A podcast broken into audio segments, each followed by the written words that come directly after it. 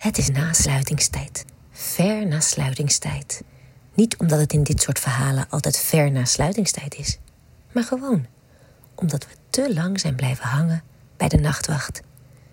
Het blijft me verbazen, jouw obsessie met 17e eeuwse schilderkunst. Die blik die je in je ogen krijgt en de wijdse gebaren die je nooit achterwege kunt laten als je het over Rembrandt hebt. Een zeker fanatisme, zou je kunnen zeggen. Ik zie het niet zo vaak meer, eerlijk gezegd.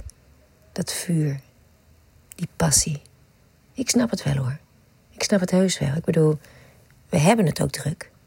En als je s'avonds eindelijk in bed ligt na een lange werkdag.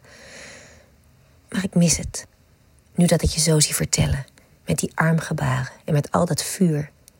Over licht-donker contrasten en fijne etstechnieken. Hm. Ik was vergeten hoe je kon zijn. Zo gepassioneerd.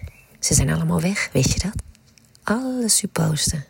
Ook die boze, die ene, van wie je nu echt een stapje bij dat doek vandaan moest doen, want anders. die is ook weg. Ze moeten ons vergeten zijn. Grappig. Kom, we stappen over dat rode koord heen. Kom dan. Jawel, dat kan wel. Je kunt het zo veel beter zien, toch? En voelen, dat ook. Ga maar even met je hand over het doek. En ook met die andere, doe maar. Dan ga ik achter je staan. Ik omhels je, druk me tegen je aan en ik zoen je in je nek.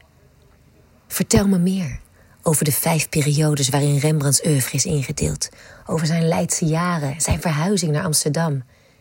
Ik verslap mijn greep, glijd met mijn handen over je flanken en dan onder je trui. Ik bijt je nu, zachtjes. Je wil je omdraaien, maar ik zeg dat je zo moet blijven staan. Ik knoop je broek los en je kijkt achterom. Ik schud mijn hoofd. Fluister dat je moet blijven kijken. Naar de nachtwacht. Ik streel je. Ik pak je vast. Vertel verder.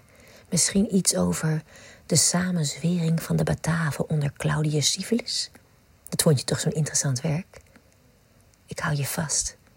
Beweeg mijn handen heen en weer. Je zucht diep. Je fluistert dat ik door moet gaan. En je zucht nog dieper. Je fluistert dat ik niet mag stoppen.